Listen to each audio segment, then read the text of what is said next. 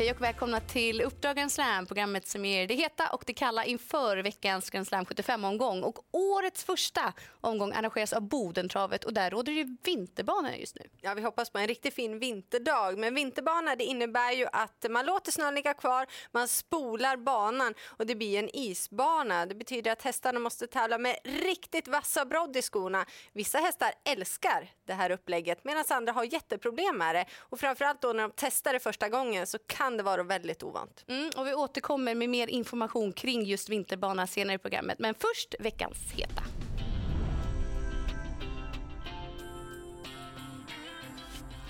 I den första avdelningen startar nummer ett Fabian Bier med fin form. Det visade han senast och han höll bra från utvändigt ledaren. Han är van att möta tufft motstånd och han är van att vinna lopp. Kusken Petri Jukki har vunnit med honom tidigare så trots bakspår så ska de ses med bra chans.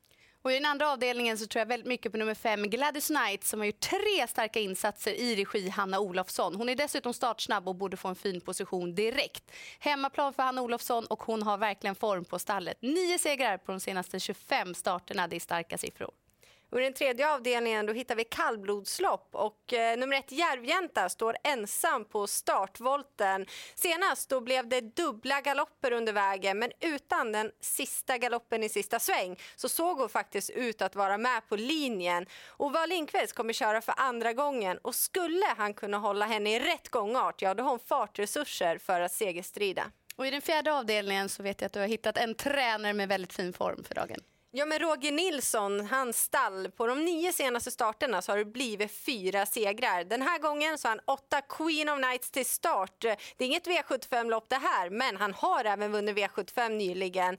Kusken som kör för första gången det är Magnus A. Djuse och det brukar ge en extra kick. Och dessutom så vann hon ju på just vinterbana senast. Och den här omgången så är det extra intressant med vinterbana kontra grusbana och så här säger några av våra aktiva.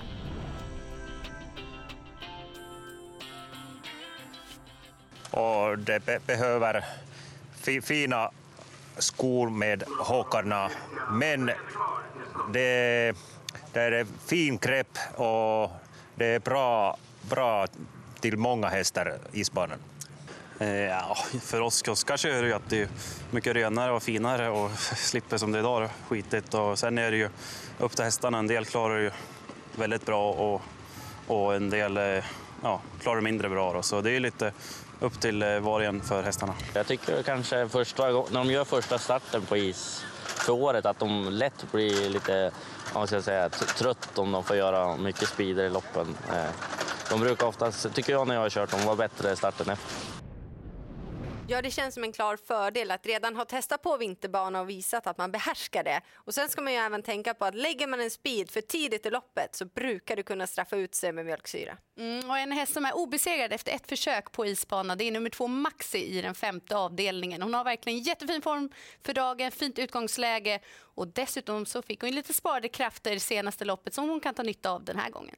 I den sjätte avdelningen nu, då startar ju fem Zorro Swing som gillar det här läget. Eh, han brukar sköta sig när han har spår fem bakom bilen och han kan öppna rätt så bra. Han ska gå framåt med senaste loppet i kroppen och att han gillar isbana, ja det vet vi. Han har testat på det tio gånger och vunnit fyra.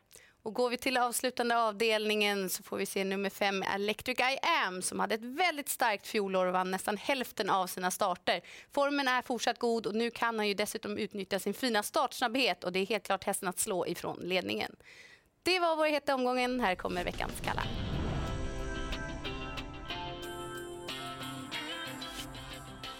I den första avdelningen startar numret No Limit Jimmit som inte brukar vara helt klockren i aktionen. Men på slutet så har den varit betydligt sämre än vanligt och det har också blivit en hel del galopper. Senast testade han på isbana, det fungerade inte. Visst, han kan ha vant sig till den här starten men jag är ändå klart tveksam på att han orkar hålla ihop aktionen hela vägen in i mål. Och I den sjätte avdelningen så håller nummer sju Hesiod väldigt fin form för dagen men han har inte vunnit lopp sedan 2018 och han tål inte att göra allt för mycket jobb själv i loppet. Från spår 7 den här gången då är det risk för att det blir vingel från start. Och sen vill du prata om en häst i form och en tränare i form och ändå tror du inte på dem. Nej, det är ju nummer åtta, Satellit Ella i den sista avdelningen som var väldigt bra i comebacken senast och trivs på vinterbana. Men just på åtta den här gången och att hästen har tjänat klart mindre pengar än många av de andra konkurrenterna gör att jag tycker att uppgiften känns väldigt tuff den här gången. Om du bara får välja en häst Jennifer inför söndagens omgång, vilken vill du lyfta fram då? Ja, men jag tycker kallblodsloppet, tredje avdelningen, ser roligt ut. Nummer ett Järvjänta får återigen Ova Lindqvist i sulken. Lyckas han hålla henne i rätt gångart den här gången ska det bli spännande att se om hon har krafter för att segerstrida. Och så formtränaren Hanna Olofsson på hemmaplan. Jag tror på minst en seger och framförallt tror jag mycket på nummer fem Gladys Knight i den andra avdelningen. Det var bra intryck senast. Det var det och vi hoppas på att de får till en riktigt fin vinterbana för jag tycker det är roligt med annorlunda förutsättningar det kan hända en hel del i loppen. Så häng med oss på söndag och stort lycka till med ert spel.